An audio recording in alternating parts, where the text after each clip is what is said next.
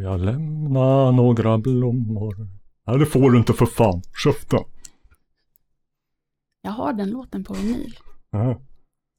Jag har bara Povel Ramels version. Får jag lämna några plommon? Jag mår inte riktigt bra. Bra. Så här.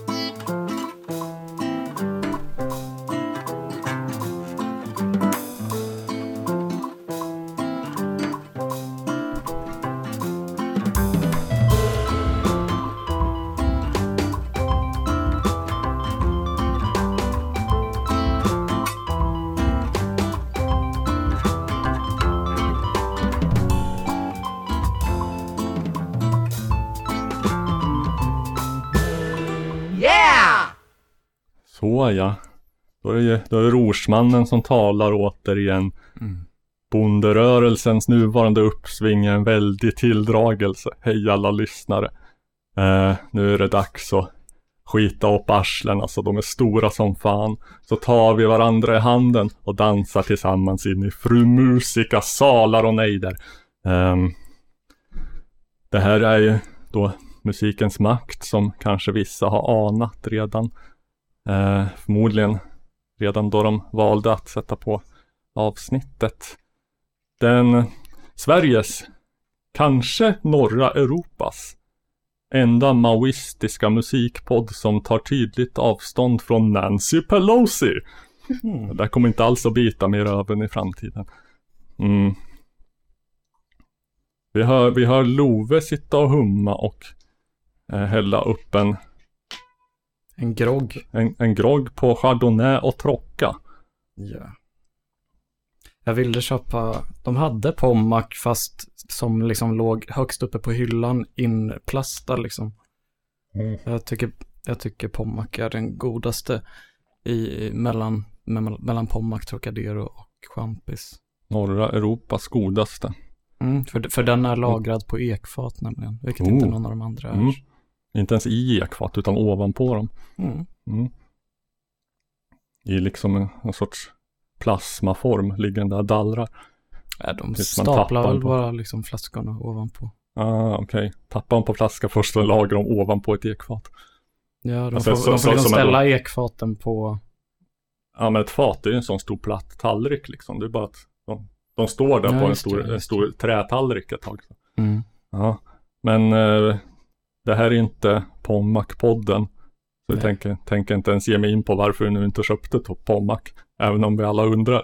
Det är inte relevant. Nej. Det här är en musikpodd. Och vi har en musikant med oss i studion. Vill du presentera dig? Jag fick det tunghäfta. Nej, eh, hej. Hej, Corinne Dominik heter Corinne Dominik heter du. Kanske känd för vissa riktiga skallar som har hört en podd som du och jag och den bekante Svante gjorde tillsammans för länge sedan. Ja, precis. Där vi, där vi försökte axla Magdalena Ribbings mantel med stor framgång. Eh, säger hon var säger många. fortfarande i liv då, va? Jag tror att hon faktiskt I början dog. va? Ja, jo. Ja. Hon dog mellan två avsnitt. Vilket vi givetvis uppmärksammade. Mm. Hur vi har mot varandra heter den podden. Men nu är nu. Eh, Corinne Dominik är till att börja med det coolaste namnet som någon har, som jag känner, måste jag bara säga. Eh, Tack. Jag kan inte riktigt ta cred för det, men nej, tack. tacka dina föräldrar. Exakt. Eh, har du franskt påbrå av något slag? Ja, eh, franskt, men ännu mer italienskt. Eh, Mm. Någon slags kombo-släkt. Napoli och Korsika. Mm, Korsika F. Så korsikanskt då och italienskt. Där pratar om franska eller? Eller hur är det nu? Du tillhör Frankrike? Så fort jag berättar mer om det här så visar jag på min stora okunnighet. Men Mm. det är ungefär, ja. Jag brukar säga franskt och italienskt bara för att förenkla. Men jag Mm. kanske borde säga korsikanskt. Ja, korsikanerna kanske är jättenoga med det, jag vet inte. Men eh, hur som helst, hur ska vi presentera dig?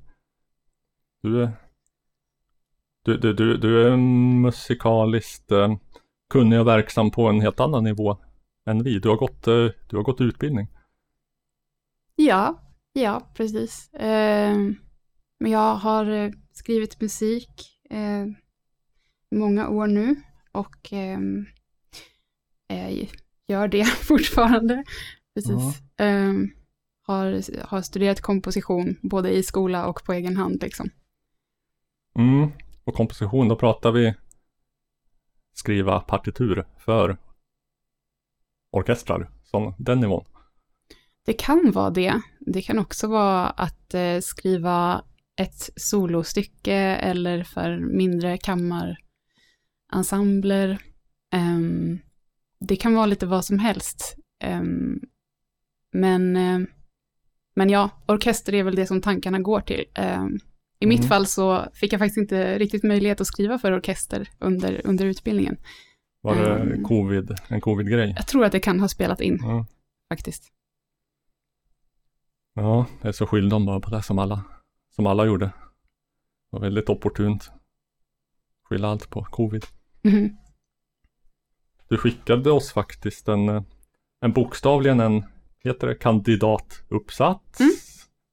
Jag kan ingenting om de där kandidat magister, doktor, fil, tjofräs. Men ja, det skickade du i alla fall, vilket är betydligt mer förberedelse än vad någon tidigare gäst har, har gjort. Hör ni det tidigare gäster, va? Jag skickar den också på väldigt kort varsel, vilket jag ber om ursäkt för. Ganska eh, arrogant beteende att skicka en 40-sidig uppsats. Något dygn innan man ska ses. Ja, ja. Det är bättre än eh, ingen, en ingensidig uppsats. Ja, om, om det blir, om vi kokar tört så är det bara att börja, börja läsa upp Exakt. hela. Ja, ja, vi kan ha så här live reaction på uppsatsen. Precis. Att man, man läser, jag läser, da, My Dad Wrote a Porno, den podden. Jag läser till från uppsats så får ni, så får ni reagera liksom spinna. Mm. Men vi hade tänkt att prata om, eh, vad hade vi tänkt att prata om? Vi, har lite, vi har lite förslag och lite tankar och hugskott mest bara. Men eh, det kan tänkas handla om att bygga egna instrument. Om eh, lite mer teoretiskt kring så här, eh, fin och ful kultur. Eh, kanonisering av musik. Vet jag inte, det var du som skrev. Det vet jag inte vad som menas med men jag är mycket nyfiken. Musikbranschen och genrer och stilar. Jag, jag skulle vilja reda ut det här med eh, Får man säga klassisk musik? Vad är det överhuvudtaget? Är det ett meningsfullt begrepp och vad betyder det? Etc. Mm. Eh, Mycket bra fråga. jag skulle, skulle vi ha haft Paul Arén här, som inte vill bli nämnd i poddar, varför vi inte tänker göra det. Mm. Bra, fick jag det sagt. Mm. Jag tänkte, eh, jag tänkte att vi skulle prata om, eh, eller ja, jag, jag utgick från att vi i alla fall skulle nämna Pugg och Zappa.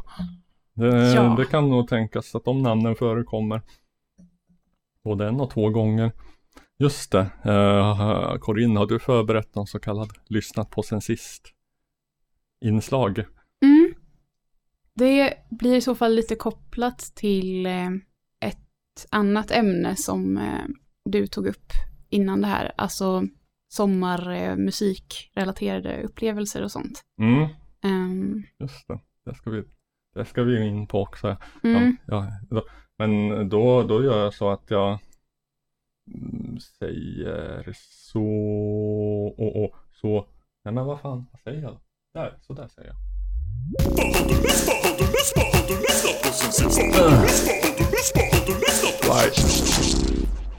Och eh, för att ge gästen lite andrum och hålla Love på tårna så börjar med att passa frågan till dig. Det vill säga Love. Ja. Um, eh, när, jag kom in, när jag kom in här och satte mig förut så kollade jag bort. Du har ett gäng eh, eh, CD-skivor där borta. Ja, Och då lade jag märke till en som, som knyter an lite till det, det jag tog upp förra gången tror jag. Här är Electric Funk, eh, fyra CD-boxen. Precis, precis. Det är Joanna Newsom, Have One On Me. Det hade jag faktiskt kunnat tänka mig också. Som Också. jag under senaste, ja men sedan vi spelade in sist så har jag lyssnat igenom den kanske 30-35 gånger någonting. Oj. Alla, Um, all, alla tre skivorna. Ja, hela. Hela de två timmarna och fyra minuter eller vad det nu är. Oj, det tålamodet har inte jag haft. Um, det är ganska, ja, det, det, är tacksamt med brevbärare för då kan man göra liksom till en daglig rutin att man när man börjar kamma post så ja. sätter man igång skivan. Sätter man igång officiella kammarsången. Kamma, kamma, kamma, kamma, kamma, kameleon. um, det är, eh, för mig är det liksom, ja, den, den har väldigt många väldigt bra eh, moment, den skivan. Um, Corinne, är du bekant med Joanna Newsom? Nej, inte, inte alls. Sångare, harpist. Uh, nu, nu, hoppas jag att, uh, jag minns att du spelade upp lite låtar av henne när, när jag hade kört min uh, förra gången. Jag hoppas inte du spelade upp den här. Nej, annars blir det seppuku direkt. Ja, precis. Du får hålla svärdet så tar jag den här lilla katanan. Mm. Um, nu får jag, måste jag spola, spola fram till det, för den här låten är 10-11 minuter lång så jag får. Ja, jag kan göra de här spolljuden. Ja, precis, jag ska se.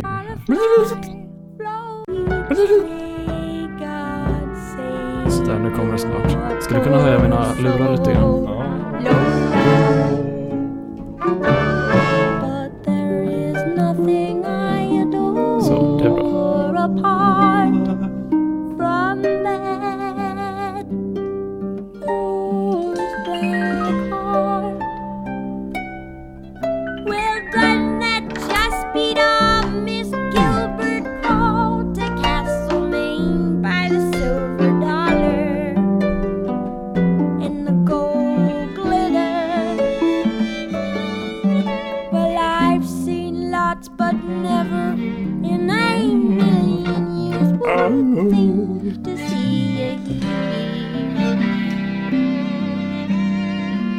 Konstigt sväng här.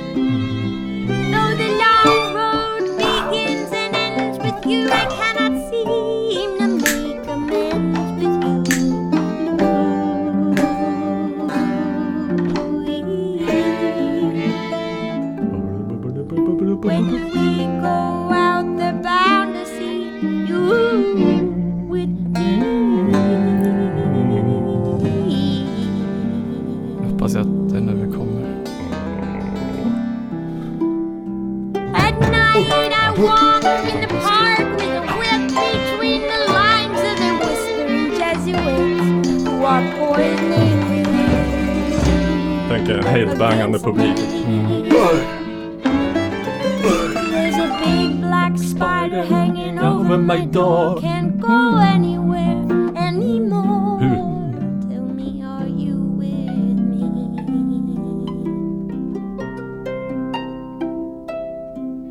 I call to you ja, det är. Jag väntar på det här Bottle of Wine, Bottle of Red. Äh, bottle, of, bottle of White, Bottle of Red. Mm. Det är då låten verkligen kommer igång. Typ. Det är typ fem minuter in.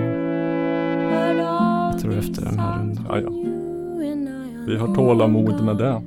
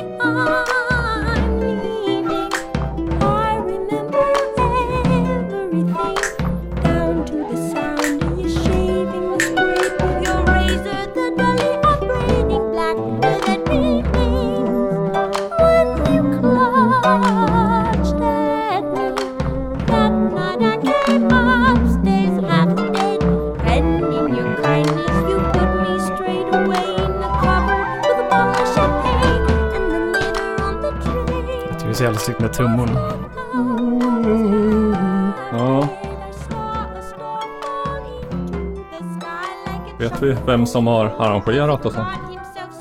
Nej. Jag, jag minns att jag läste vem trummisen var, men jag minns inte vad han hette. Mm.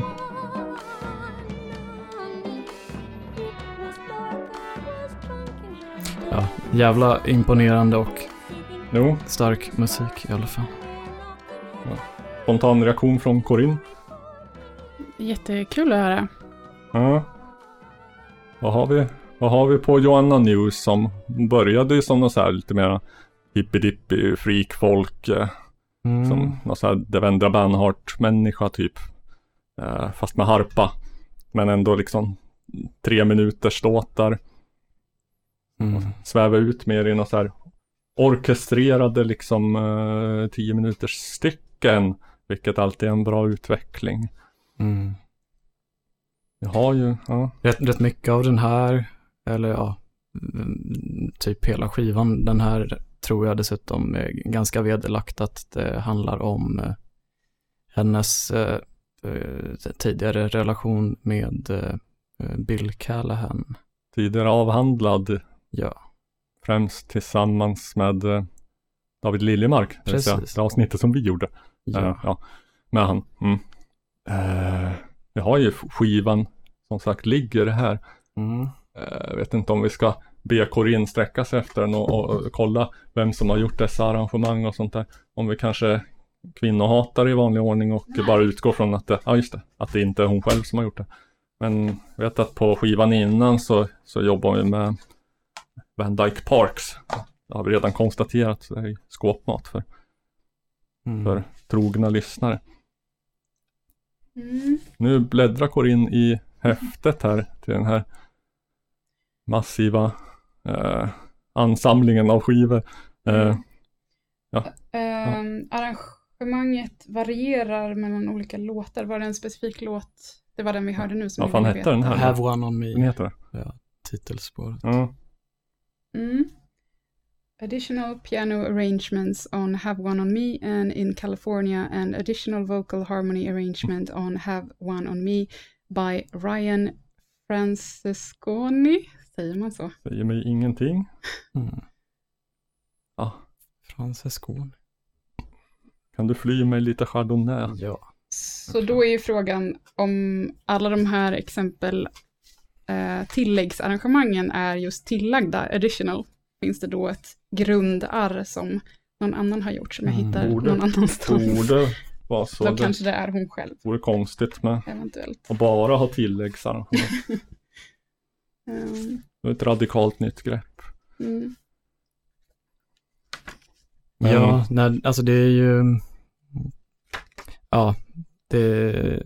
Jag, jag, jag minns att jag bara tänkte att, ja men oj, hur, hur kan en person liksom göra så mycket? Det, är- det är ju väldigt imponerande oavsett, men, men det, är, det är nog svårt att få liksom på egen hand få till sån komplexitet Mm. i instrumentationen. Det kan ju vara så att det inte är hon som både skrivit alla låtar, alla texter, arrangerat allt, spelat harpa och sjungit. Och det kan vi det, det kan vi ju förlåta henne för. Ja. Jag, jag, är- jag, jag tar ju tydligt avstånd från den här liksom autör och autenticitetsidealet i alla fall. Det kanske vi kan komma in på sen. Mm. Det låter som ett sånt ämne vi skulle kunna komma in på. Mm. Jag undrar om Corinne, om du är redo för Mm. att spela vad du har lyssnat på sen sist. Och så har vi det stående skämtet, vad då sen sist? Ja, du har ju fått välja fritt. Ja. Helt enkelt. Exakt. Ehm, så jag tänker, jag utgår mycket från eh, den här sommaren då.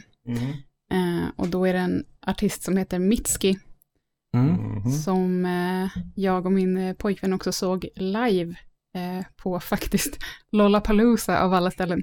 Mm. Jag tror att det var andra juli. Ehm, och ehm, så jag tänkte spela en låt av henne som heter Blue Light. Mm. Och sen har jag också en liten quiz Oh, för de eh, magade, eller vad säger man? magade. Ehm, Åh, vad slutet- spännande. Mm. I slutet av den här låten eh, så tycker i alla fall jag och en del eh, anonyma konton på diverse internetforum att låten påminner mycket om Mm. en annan låt Ja, från en annan musikskapande person. Så um, får se om ni har igång. någonting sånt. Det beror på hur lång är låten, om vi kan ha med hela liksom. Ja, den här låten eh, av Mitski är eh, 1.43. Ja, ja men det, det, det, det, det fixar vi nog. Ja. Jag har nog bara hört betydligt mer Joanna Newsom alldeles nyss även. Mm. Och det kanske bara var 25 procent av den låten. Eh, har vi, ja där, där, där är din ingång. Jag sätter igång så Varför? testar vi. Ja, Mm. Jag har på högsta nu jag klipper om det blir skit så att Mm. det är lugnt. Oj,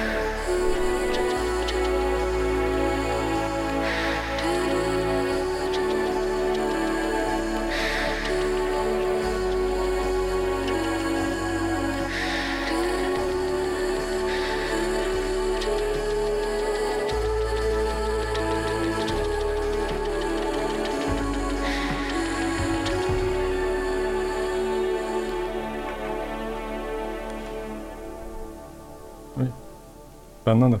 Mm. Oj, b- brus. Kanske var hem, hemmainspelat. Kanske. Den, låten gick liksom baklänges. Den, Mm. den slutar så som man tänker sig att en låt ska börja. Och så, den byggdes inte upp, den byggdes ner. Den började på topp Mm. liksom. Mm. Det var rätt ball. Eh, jag vet inte om jag, var- ifall jag fick några spontana associationer i slutet. Alldeles precis i början dock så tänkte jag ju Panic on the streets of London. Mm. Ja, jag tyckte det lät väldigt eh, väl, alltså. Eh, jag tror att det, det var att kanske att för mig påminde vissa, alltså harmoniken och ackordgrejen liksom i slutet lite om någon, Just det, du är en sån ackordföljdskille. ja, det påminner lite om någon, eh, vad heter hon nu? Eh, um, w- vad, vad är det nu? Wow, wow. Eh, men det är någonting, det är konstigt med stavningen. Du har spelat, du, spelade när Trampe gästade. Eh, senaste, alltså från typ 2015, kvinnlig, eh, lite folk, lite pop. Eh, Oj, mycket intressant. um, Som en ehm, knepig stavning. eh, ja, eller att det uttal, man tror att det ska uttalas, uh, Ways Blood. Ja, just det. Ja, ja, ja, fan.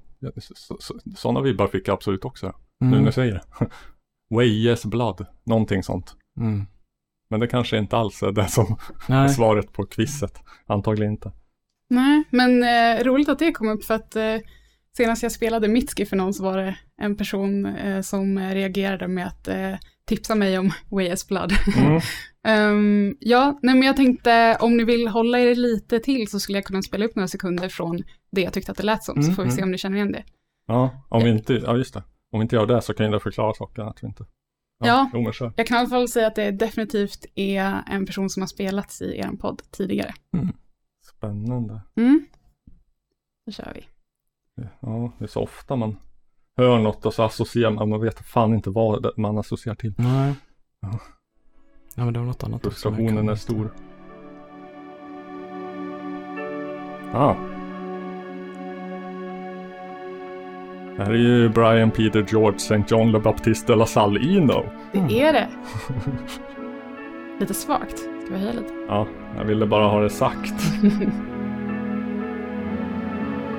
Ja, i ljudlandskapet kanske.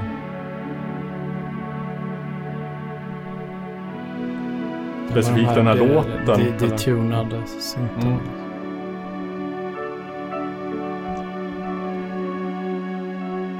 Jo, men i ackordföljden också. Mm.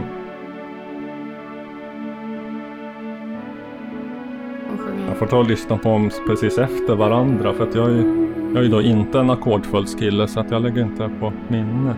Då kan jag också lägga en fas och säga att det är även samma syntljud och tonart. Wow. Så man skulle kunna göra en mashup på dem av en väldigt konstig sådan. 100%.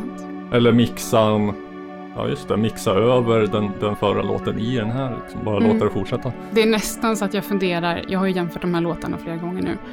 Det är nästan så att jag funderar på om någon kan ha samplat det. Hmm. Mm. Mm. Ett scoop i så fall. Jag tror jag har den här skivan lite snett bakom dig. Bakom skivan med konvaljen där. Som kommer att bli relevant senare i avsnittet. Eventuellt. Men eh, yes, där står den och ståtar. Ja, jag har precis köpt en ny grammofon så att jag ska väl Oh. ta spelaren också. Vad sa? Var det någon som frågade mig vad jag lyssnar på? Ja men visst, ingen orsak. Ehm, nu ska vi se här. Vä, säger ni. Uh, eller alldeles strax. Vad är det som händer? Har, har det här blivit en trollpodd? Trollar vi lyssnarna? Spelar, spelar Robert upp Loves val nu? Eller uppenbarligen inte för Love har redan kört sitt. Men så här låter mitt första. Jag sa till mig själv det är någonting i detta hus som hindrar mig från handling. Jag sa till mig själv det är någonting i detta hus som stoppar min förvandling. Jag är tillbaka i grottan igen. Jag har gått tillbaka i fällan igen. Själv igen. Och kraften är slut, jag kan inte ta mig ut. Jag är tillbaka i grottan igen. Det är något med den här fulheten i sången som är... Älskar. Av bristande orienteringsförmåga, oerhörda tomhet. Natten, kylan. Då var jag så nära Jesus, men idag är jag så nära flaskan. För den kan åtminstone förlänga min tid innan jag tar till repet. Av jord är du kommen och till jord ska du återgå. Men spriten inte dödar dig så ger väl kvinnorna så. Herregud springa på gatorna på natten och på morgonen och dagen. Och tomhet och öde och vindar och tomrum. Och tomrum i hjärtat och för mycket, mycket, bara för mycket. Kan du ta några sådana här Kleenex åt mig? Och så jag sa till mig själv, det är någonting i detta hus som hindrar mig från handling. Jag sa till mig själv, det är någonting i detta hus som stoppar min förvandling. Jag är tillbaka i grottan igen. Jag har gått tillbaka i fällan igen. Jag har lurat mig själv igen. Och kraften är slut, jag kan inte ta mig ut. Jag är tillbaka i grottan igen. Ah. Franska trion. Ja. Hur kommer sig det här? Ja, Ja. det var bara Spotify som av någon orsak bestämde sig för att det här skulle jag lyssna på. Eh, då gjorde jag det. Det, var exakt samma för mig första gången jag hörde dem. Och då, och det var dessutom när jag, Mm. samtidigt som jag tog lustgas. Och sen efteråt tänkte jag lite, var, var det här på riktigt? kan man sjunga låta så? Ja, hörde jag liksom verkligen en så här någon bräkande typ, jag vet inte, Sundsvallsbo eller vad han låter som. Som, som, som, som sjunger om supa ihjäl sig och, och ta till repet och falskt. Och jag är tom, tom i hjärtat och för mycket, mycket, bara för mycket. Ja, det är bara för Oh, mycket. oh, oh, Ja, jag men sa till mig själv, det är någonting i det- hus som hindrar mig från handling. Jag sa till mig själv, det är någonting i detta hus som stoppar min förvandling. Jag är tillbaka i grott igen. Jag har gått tillbaka i fällan igen. Jag har lurat mig själv igen. Och kraften är slut, jag kan inte ta mig ut. Va? Va? Vad säger du? Jag är tillbaka i grott igen! Åh. Oj, oj, oj, oj, oj, oj. Grottigem. Grått. Igen. Ja, Grottigem. grå, grått. Antar parafras på Back in Black antar. Mm, ja. Mm, bara för att återställa balansen och så greppa, liksom haka tag i det här med sommarmusik. Eh, vad kan väl vara somrigare än riktigt svängig och funkig musik? Och vad kan vara svängigare och funkigare? Alltså, det har jag kommit fram till efter ett långt och växlingsrikt liv. Att Mm. vill man ha råsväng och hård funk, Mm. då finns det bara ett ställe att vända sig till och det är till den näst coolaste av alla, alla genrer efter prog metal givetvis. Nämligen 70-talets fusionsjazz. Där kunde de det här. Och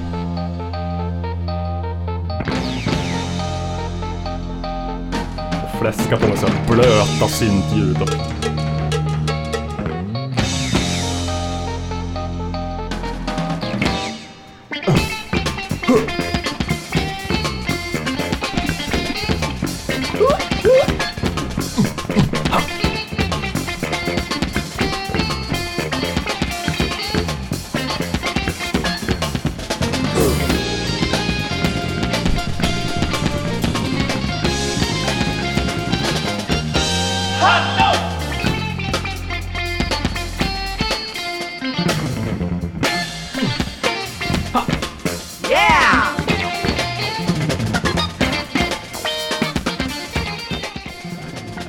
de här gitarrlinjerna, man, jag, jag är är alltid förberedd på att liksom, det ska vara Jojje Wadenius som liksom eh, nynnar och sjunger samtidigt som han spelar. Ja.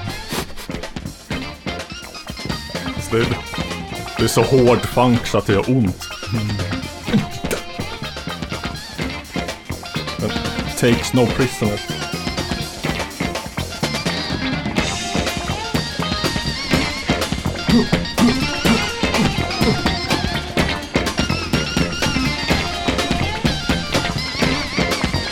Spela den här nu, den skulle man gått ut på egentligen. Nej, nu kommer vi stämning till. Ja, vad bra. Vi gör det.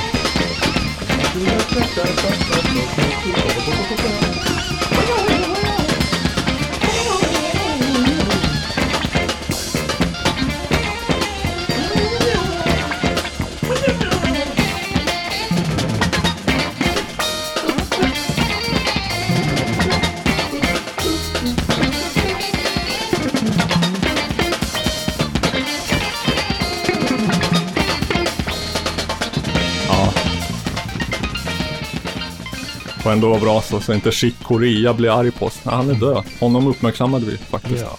när detta hände. In, då, då spelade vi inte det här. Då var det, då var det, var det eh, så här, något tidigare Return to Forever.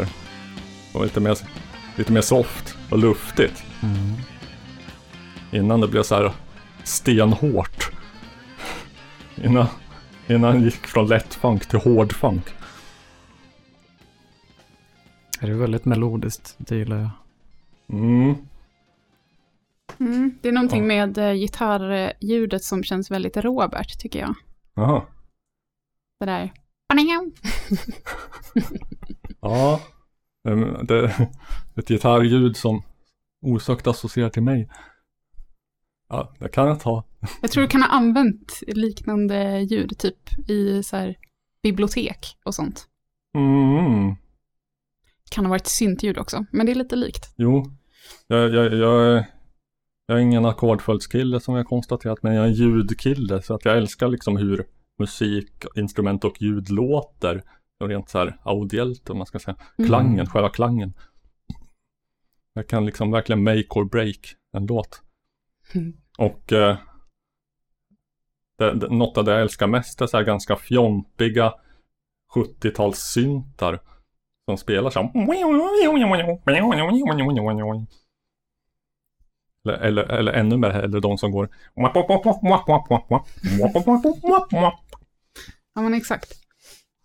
En tes jag har är att ingenting förhöjer en låt så som ett svängigt solo på en riktigt fjompig synt. Och ett slag på en koskälla i exakt rätt ögonblick. Case in point.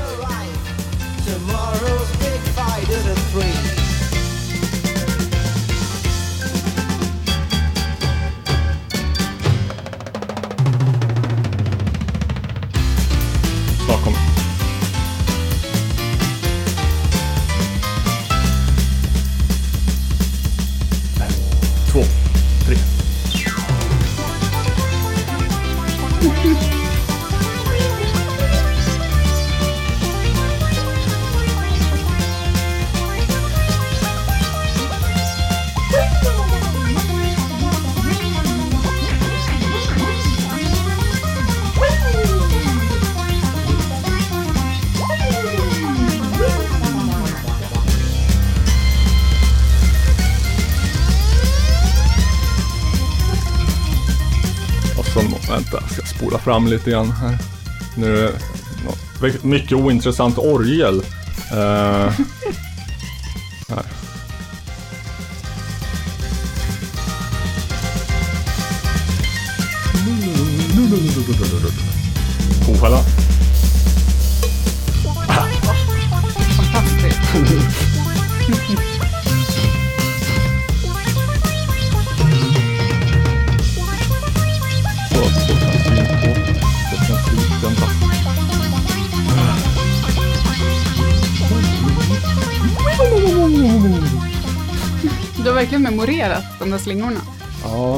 svåra att, att sjunga. Upprepa. Upp, upprepa för mun. Vad heter det? Oralt. Ska vi... Vilka var det då? Det här var triumvirat, eller hur fan den uttalas. Mhm. Triumvirat på svenska. Ja, det stämmer. Deras temaplatta om, eh, jag vet inte, någon sån här romersk gladiator typ.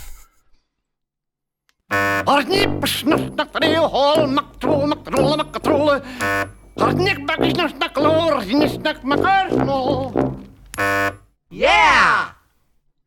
Då är vi tillbaka i grott igen. Ni hör vilken...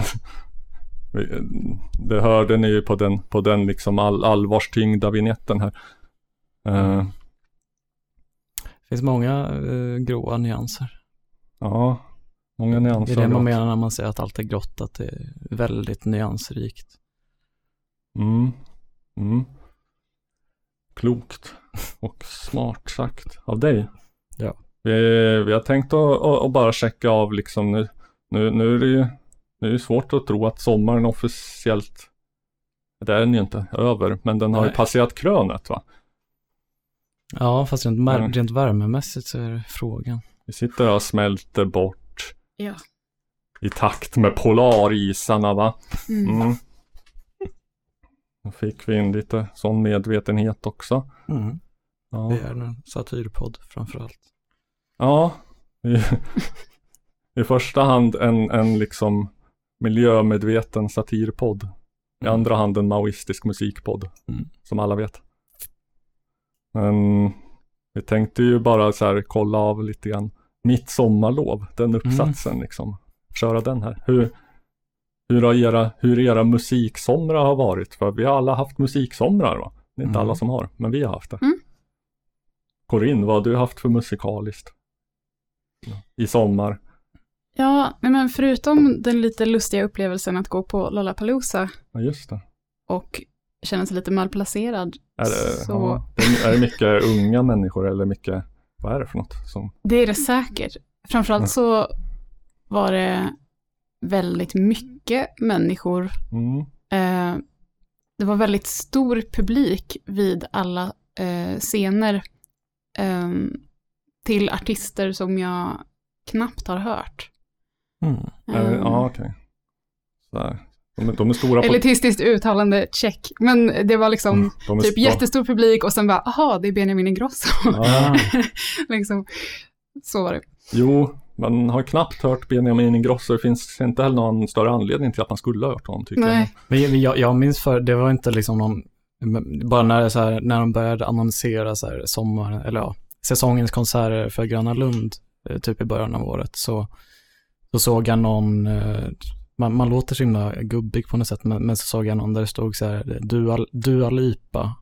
Mm. Eh, och så gick jag in och läste där och så stod det så här, en av de mest spelade på Spotify. Wow! Jag har aldrig, mig vetligen aldrig hört en låt och hade aldrig ens hört namnet förut. Mm. Nej. Nej, men så, ja bra, då är, är vi väl tre om det då antar jag. Ja. Jag vet inte om det är elitism liksom, men Eller bara att Eller man, är man, man inte känner någon press att vara så himla trendkänslig liksom.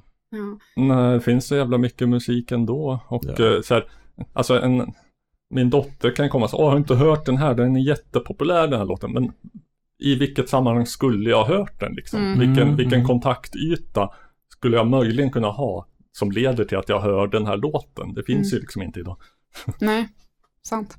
Nej, men förutom det så eh, var jag på en konsert i Oslo och såg Mm. eh, bandet Sungazer, vars Jaha. basist jag är väldigt förtjust i. Mm. Eh, både som eh, musiker och som YouTuber.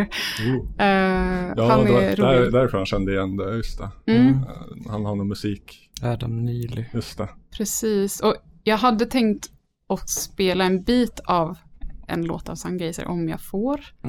Ja, det ska jag ju inte fråga oss utan Adam Neely. Ja, Han har exakt. Eh, Men jag vill också passa på att nämna att för bara någon vecka sedan så såg jag även eh, Mikael Wiehes eh, sista Stockholmsspelning får man tro. Eh, om, man, om man ska tro på honom i alla fall. Han är inte någon sån Stones som, som har gjort sin sista turné 20 gånger typ. Nej, han, han gör den nu. Eh, och eh, han har väl eh, ganska nära in på det gett ut ett album också som jag tror heter Den sista mohikanen. Just det. Mm. Det finns en Det låt på den skivan också som, som heter så. Och det är inte en cover på en gamla, eh, vad heter det? Ja, vad sa den si- gamla sista mohikanen? Nej. Eh, nej. Den är otroligt seriös i jämförelse. När man inte trodde det kunde bli mer seriöst. Precis. Och det var, det var jättekul. Eh, Mhm. Den näst sista låten på VS-spelningen var en eh, cover, får man väl ändå säga, på Dylans låt It's all over now baby blue. Mm. Eh, men med liksom svensk text som nog handlar om någonting annat än Mm. vad Dylan sjöng om. Ehm, mm. Och det fick mig att tänka på att Turid Lundqvist har gjort den vackraste och bästa versionen av Mm. It's all over now baby blue, så den vill jag verkligen tipsa om. Mm. Ja, då blir, då blir huggsexa här. Ska vi höra den eller ska vi höra Sun, vad heter de, Sungazer? Mm. Ja, jag tänker att Sungazer är säkrast därför att för att höra den här versionen av Turid så behöver man gå till SVT Play och sådana risker kanske vi inte ska ta. Jaha. Hon spelade den i ett debattprogram på 70-talet som hette Kvällsöppet, tror jag. Jag vet inte vad risken skulle vara med det. Det bara känns de bara- farligare med public service på något sätt. Ja, jag vet vilka jävla, jävla hajar de, hökar de är med att hugga ner på allt. Som, ja, det, det, det här som ni alla har betalat med era licenspengar och numera skatt, påtvingade skatter. Det, det får ni minsann inte använda hur som helst. Det är det vi som äger. Mhm. mm, nej, men ska vi ta Sungazer? Ja. Ja, vi Mm. vill inte spela SVT i händerna. Nej, Vi vill inte ha några problem. då så. Hi, Adam. Good morning. Um, well, I've been getting over the flu, and yesterday I sounded a lot better. I'm Poddarna, just wondering if maybe we should Simon Svensson och Färska Prinsen fick ju but trubbel. De fick ju beef med public service. Då hade de i there, och för sig döpt sin podd till Nöjesvepet i P3, så att då ber man lite om det. what I'm used to. Hello. Yeah. Wow. Ooh. Um, but I don't know. Maybe it'll perk up. It's just a little. My Oh, vocal cords are just a en little sexy thick. Fender Rhodes right. Um, but my vocal cords are just a little thick. Den. Just a little, a little heavy. They're just, just a little, a little heavy. The chords are just a little Oj. heavy. Just a Nästan lite fjompsynt där. little heavy. They're just, just a little, are just Yeah! little heavy. What I'm used to. Mm. Yeah, wow. Det är alltså eh, ett röstmeddelande maybe it'll eh, från någon som ska spela in med Adam Neely. Mhm. Eh, och hon meddelar på hans telefonsvarare att eh, hennes stämband är lite thick. Ehm, Och eh, Thick, thick med två C. exakt, exakt faktiskt. Den eh, låten heter så. Eh, så så eh, hon funderar på om hon skulle ställa in då. De skulle förmodligen ses och musicera, kanske spela in och sådär. Ehm, så det slutar med att han då tar röstmeddelandet och gör en låt av det. Mm. Tycker jag var kul. Ja, Och höra live också var väldigt kul. kör de där live? Va, va, Hon, hon var inte med. hon, hon gick upp med sina Och, tjocka, och gjorde ett röstmeddelande. ja, Ring, Hon ringde från till USA. honom på scen. hon gick upp med sina tjocka stämband och pratade genom ett mikrofon. Hon eller måste vara konstant förkyld för att Ja. få vara med. Ja. Ja. Ja. Okej. Eh, har man hört något sånt där annars? Musik från röstmeddelanden. Jag tror jag, det ringer någon sorts klocka. Det finns andra. Jag har hört liksom det samplas många gånger i, fast det är väl mest här början och slutet av låtar. Hiphop-låtar finns det väl så här liksom Stan. Där är det väl så att han ringer Mm. och talar in. Liksom. Ja, just men det, då, då, då, då är det fiktivt. Så, ja. Ja. Mm. ja, nej. enda jag kommer på är liksom om vad de är för något industrisynt eller något sånt där. Bandet som eh, som, som vars namn jag hatar eftersom att jag famously hatar att ha liksom olika diakritiska tecken och punkter och skit. Noi? Eh, nej. de hatar jag också av andra anledningar men det Just det, här... de är väl krautarna och det är Einster bla bla bla. Som Mm, nej men det här band, band som Kristoffer Andegrim känner väl till men som heter typ Agrum. mm. Och så, så, som släppte som eh, kanske något bonusspår på någon skiva. Eh, något eh, telefonsvarmeddelande intalat av en extrem fanboy till det här lilla obskyra bandet som, som avslutade med att liksom stöna deras namn så här. Coolt. Ja, det är coolt. Det kan vi vara överens om. Men Lolla Palooza, nej. Var, var det på Gärdet? För de hade väl det på Gärdet någon gång? Alltså det, det var ju typ 2019 tror jag. Som de hade ett. Mm. Eller var, var var det nu? Sungazer. Nej, Lollapalooza. Jaha. Eh, ja, det var där jag såg Mitski. Och det var Just på det. Gärdesfältet. Ja. Eh, men Sungazer såg jag i Oslo. Ah. Rolig, rolig klubb. mix. Nu vet jag inte hur representativ den här låten är. Du körde med Mitski med rolig mix med henne och Benjamin Ingrosso ändå. Så här, viss bredd. Ja, verkligen. Mm. Det var också Veronica Maggio. Mm. Ja, det var... Någonting för the, the aging millennial. Mm. Men det var nog mest P3-musik liksom. Mm. Ja, vad nu, vad, vad nu P3 Musik är idag. Det är topp 100 på Spotify. Ja, det är inte som det var liksom. för tio år sedan, om jag får säga mitt. Ja, nej, nej, nej, ja, det var konstigt om det var det och lite tragiskt. Ja, Var det mycket så här, var det mycket 90-tals eh, em, nostalgi shit liksom? För det är ju superinne nu. alltså på Little Jinders konsert, som jag måste säga var eh, en av de bättre verkligen, Mm. Ehm, där var det väldigt fin eh, backdrop, eller vad kallar man det när det inte är ett tyg utan en skärm? Säger man backdrop ändå? Ingen aning. Ja, men skärmen, den stora skärmen bakom henne i alla fall. Eh, det fick mig att tänka på liksom 90-tals eh, estetiken i om det är eh, nya tider eller skilda världar. Mm -mm. Här liksom eh, dokusåpa, nej inte dokusåpa, Ja, det eh, var innan doku. såpa. Ja, bara såpa. Um, Tvålopera. Mm. För att det, det var nämligen en bild på en vacker röd ros som vissnade Mm. under liksom, konsertens gång. Ja, det var, Och sen hade hon svart konfetti, vilket var Röd väldigt bild. effektfullt.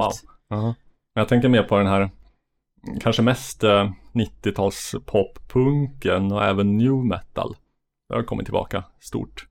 Bara denna sommar, jag kan redogöra lite grann för min dotters musiksommar. Eh, hon har både varit på My Chemical Romance och Green Day. Mhm. Eh, och säkert något mer i samma, samma stil. Och eh, på min musiksommar som vi snart kommer till där Mm. snappade jag åt med ett, ett flygblad med reklam för att Limp Bizkit kommer till Gävle. Eller Uppsala var det. Nice. Ja, nu har, nu, har, nu, har, nu, har, den nostalgivågen gått så långt den bara kan. Däremot koll, kolla upp bilder på Fred Durst idag. Han har blivit riktigt snygg. Han har åldrats in i det liksom. Mhm. Han, han, såg, han såg ju verkligen ut som så här eh, Scumbag Steve på 90-talet med bak och fram med en keps och ett litet äckligt skägg, så här Mm. hakskägg. Men, Vi- Vilka var det som, eh, det var ju något band för ett år sedan typ där sångaren gick bort. Eh, ett av de, eh, de där mm, banden. Jag vet eh, inte. Foo, någon Foo Fighters-kille dog ju nyligen. ja, men inte- det var någon så här, in the end it doesn't really, det, nej det kanske Ja. var, inte var av det bandet. Men,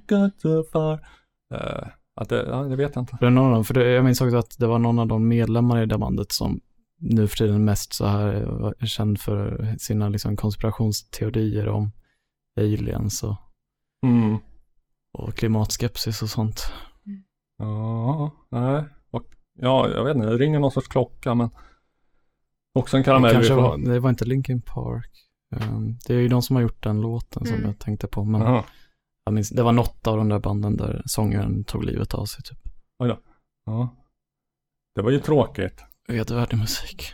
Ja, men förtjänar inte döden för det va? Nej. Nej, det tar vi tydligt avstånd ifrån. Vi tar tydligt avstånd från döden. Det tar avstånd ifrån Det hans gör själv. inte jag. Nej. Nej, jag tar, Hur, hur, hur har din musiksommar sett ut Robert? var vi klara med Korins? Ja, 100 procent. Okej. Eh, jag var ju på festival då. Finns Just lite det. dokumenterat i eh, Facebookgruppen va, Musikens makt. Som man kan gå in och gilla och sprida och allt sånt där. Var det i. Gefle? Det var i, ja den, den stavningen, just det. Gävle som vi, som vi lite mera, Moderna Mera- människor. Mera insatta säger. jo, jo. Jag har för övrigt konstaterat när jag är Gävle att eh, av någon jävla orsak så har jag Gävle dialekt ungefär. Mm. Folk där pratar typ som jag, jag vet inte vad det beror på. Jag har aldrig bott i Gävle. Aldrig bott norr om Slussen. Kommer aldrig göra. Nej, men eh, var, var någon som ställde in, Myrkur ställde in, det var lite tråkigt, Dayside, eh, Dark Funeral hade varit kul att se, men fick å andra sidan se, ja just det, um, tidigare poddgäst på scen, Uffe Sedelund med Entombed. Mm. Eh, de hade lagt dem så här på eftermiddagen av någon jävla orsak. De är ju legender. Märklig planering och eh, de var, de var lite så här lackluster att de, ja, jag vet inte. Att de kanske inte var, i, var, var, var, var, inne i det med, med själ och hjärta. Nej. Riktigt så men. Uffe blev lite sur. Mhm. Eh, var någon idiot i publiken som vid ett tillfälle under en låt kastade upp en sån plastmugg med öl på scen. Så att den Mm. typ nästan träffade honom och hans gitarr. Han Mm. slutade spela tvärt så här. Eh, gick fram till micken och så. Men fan kasta öl på scen! Jag hatar öl! Mm. Nästan som att man, så, man, man eh, anar att han skulle börja hetsa publiken mot den människan liksom. med gäng- Gängspö. Men så till slut satte de igång igen. Mm. Jag tror inte han hade jättekul. Jag såg honom inte mer igen sen tyvärr. Nej, tråkigt. Ja, nej, jag såg eh, Emperor Mayhem. Alla sådana black metal gran, Vilka grandpas. spelare mig Mm. nu för tiden? Eh, rätt mycket. Inte hela originalsättningen av lätt insedda skäl då. Nej. Euronymous och Dead har fallit ifrån av lite olika, eller ändå ganska närbesläktad Ja. orsak. Eh, men eh, Attila Syar eller vad fan han heter, ungraren, han är kvar på sång Mm. med den äran. Eh, gick runt med liksom en stor jävla kåpa på sig och någon sorts eh, kors eller något liknande. Ty- ja men som ett upp och ner kors beroende på hur man håller Mm. av, av benknoter Mm. som han gick runt och viftade med och typ så här satte vid skrevet och runkade med. Och alltså, en, en snara som han gick fram och höll i. Man inte sett att han skulle liksom hänga upp sig själv i den. Det var roligt att använda de benknotorna som en percussion-grej. Mm. Ja, men han var teatralisk och härlig. Eh, Hellhammer är kvar på trummor. Mm. Spelar också i något annat band, samma. I eh, Arcturus, som var något av en besvikelse. Eh, lite som här e- experiment, eh, liksom eklektisk black metal, men inte jättekul på scen. Mm. Positiv överraskning eh, var Meshuggah, som Mm. jag aldrig har lyssnat på. Nej. Jag tyckte, jag vet inte. Namnet låter lite... Svensk progressiv döds, typ. Eh, Mm. Jag vet inte om de, om de, de, de blev stora i lite fel period av mitt liv så att jag aldrig tog till mig det liksom för att jag tyckte inte om sån skränig musik då liksom. Mm. Eller, eller att det, jag bara tyckte det var lite för skriket och skränigt i allmänhet men live var de jävligt feta liksom. Ehm, ja, e- e- extremt liksom tryck och tyngd eh, och eh, matema med matematisk precision utförda liksom au- eh, avancerade jävla konstiga taktbyten som gjorde att man man, man kunde liksom inte stå och digga. Det gick inte att stå och headbanga för efter 10 sekunder så, så, så hade de liksom skiftat en, rytmen en halv takt och sådär. Eh, Mm jag hörde minst tre av varandra oberoende röster klaga på det efteråt. Att eh, det går inte att digga till det här liksom, när, när de håller på att fucka med rytmen så här. Jag- Men det var ju det som var hela behållningen för mig. Ja. Svinfett. Ja, vad skoj. Det är så här, jag tänker på eh, Julian Cope har någon, det är, det är någon låt på Jehovah Kill där han, han sjunger This will be the day side Mhm. som en, antar jag, liksom spin på This will be the day I die. Mm. Rolig ordvits. Eh, jag förstår inte den kopplingen. Du nämnde något om någon band som heter Jo, jo, jo, jo, men alltså som en spin på this. Ja, men att det låter lite likadant. Miss American Pie alltså. Eh, Ja, just det. American Ja, Pie. ja, Ja. okej. Bra, tack. This will be the day that Ja. I die. Ja, då förstår jag. Är det, men eh, har inte, vad heter han nu, eh, original Elvis Costello, eh, vad, vad, eh, han som dog i flygplans, eh, Buddy Holly. Buddy Holly, har inte han någon låt, eh, This will be the day? That'll be the, That'll be the day day I when you, ja just det, that'll be the day when I die. Och där har vi, oj vilken kedja va. Mm. Det är ju givetvis så, därför de sjunger så i American Pie väl.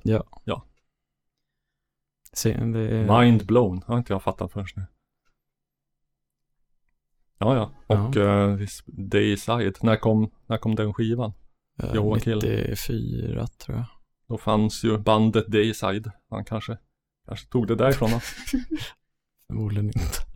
Han sjöng ju mycket om liksom paganism och sånt och religion på den skivan så det var nog snarare Mm. Ja, jag, kopplat till det. Jag tror att du underskattar Julian Cope ifall du tror att han inte har koll på Florida Döds. Ja, möjligen. Rätt vad det är så kommer Florida Rock Sampler nerdimpande. Så får du sitta där med ägg på ansiktet. Du, alla. Ni som inte trodde att Julian Cope hade koll på Florida Döds. Nu får ni, det får ni äta upp. Får ni äta upp era ord va. Mm, precis. Mm. Hur har Loves musikaliska sommar varit? Jag var på, jag var på en spelning, eller det var någon slags så här, ja, inte riktigt festival, för det var ju liksom inte tält och så, men det var eh, någon grej de hade i Rosendals trädgård eh, på, Mm. på Djurgården. Eh, tre dagar i rad. Jag var på en av de dagarna och vi var, vi var bara där för att se. Eh, jag blev bjuden på den spelningen. Det var trevligt. Jag, jag stötte på en, en bekant till oss, en av Kronsjöbröderna där. Ja. Um, och han blev väldigt förvånad över att jag var där, för jag tror att biljetterna kostar typ 600 kronor eller någonting. Ja, så, och det ser lite konstigt ut när vi sitter och tigger, Ja, tigger Patreon-pengar till mat för dig att du går på 600 kronors spel. ja men det var inte jag som betalade. Ja, okej. Um, det var ett band som heter National, som, eller The National, som spelade där. Aha. Så jag, den enda relationen jag hade till dem var att jag läst i många så här, eh, i många recensioner av, alltså sentida så här på Radio Music och sånt, recensioner av eh, Tindersticks-skivor. Att det är många som skriver att eh, här ser vi var The National har stulit sitt sound från. Jaha. Um, nej, det, var en, det var en bra spelning. Uh, härom veckan var jag i Växjö Mhm. av alla ställen i Spännande. i en trädgård och såg eh, halva Björns vänner. Um, Rickard Schicke och um, Conny Frid. Um, och det var en bra spelning. Det blev lite, för det anordnades av en persons, i en persons trädgård som är lite så här slags arrangör i, i stå-upp-världen. Ja, Um, ja, ja, han har tema trädgård här. ja, precis. Du bara, du bara lyssnar på musik i trädgården. Ja. Um, sen efteråt så Älgarnas trädgård. Sen efteråt så vet jag vet inte, vi, vi satt där lite och hängde så här backstage, om man ska säga, det var ju hans eh, så här vardagsrum typ. Sen var det en sak som jag inte ska gå in på som, som eh, gjorde att jag blev lite små sur på honom och sen, var någon som kastade öl på dig. eh, men, men och sen var jag lite så här, ja men vi, vi gick ut och drack på lokal sen och då, ja men man blir lite, kan bli lite irriterad och affektladdad liksom och så skrev jag någon någon kommentar på någon Facebook-inlägg i, i Björns vänner-gruppen om att jag var lite sur på honom. Och dagen efter så eh, fick jag länka till mig i, i kvalle-chatten av, av Kalle Lind där han eh, skär, hade skärmdumpat ett inlägg där den här arrangören hade, hade liksom försökt samla sympati och bara vilken, liksom att kalla mig en idiot som hade skrivit det här och Mhm. så ja, Du har fått ett drev på dig. ja det kan man säga. Verkligen en storm i ett vattenglas, men det, ja, man, Som, man mådde inte så jättebra som det var dagen som, efter. som, ändå, drev, det, som drev brukar vara i och för sig. Ja. Corinne skulle kunna skjuta igen dörren lite grann ifall nu kom, Ja. kom dottern här med ifall det låter utifrån. Så, så lite grann. Ja, du behöver inte stänga helt men så. Ja, en, eh, en, en eh, musiksommar med trädgårdstema. mm, Du också bara, du också, jag vet att du också bara lyssnat på musik som heter något med trädgård. Det var ju Älgens trädgård och Fools Garden för, för fulla mm, muggar. Precis. Och eh, vad finns det mer? Garden. Ja, med skivor, liksom Garden of Earth, Earthly Delights. Ja, av, jo, den har gått varm. Dance, Ja. och- Ja, Precis. Mi- Mitt eget eh, musikprojekt heter ju Gardeners Delight. det gör det ju. Just det. Finns det en Eh, koppling här kanske? Ja, min musiksommar, det väl lite kopplat till det att det var, ja, men jag skulle ju liksom släppa en, en sak och ha liksom releasefest för sånt, Mm. men eh, ja, I en trädgård hoppas jag. men det, ja, det kommer inte bli av. Nej. Jag gjorde mig lite, jag vet inte, jag är en sån känslig konstnärssjäl och, ja, eh, det är det. och det var tydligen oförlåtligt så då sa, det blev ett bråk med eh, Petter Herbertsson, eh, så då sa han det är nog bäst att du ger ut det här på egen hand. Hoppsan. Ja, Så, Så- ja. Has, handsken är kastad då. då. Ja, det kommer jag nog aldrig förlåta honom för. Oj, oj, Um, oj.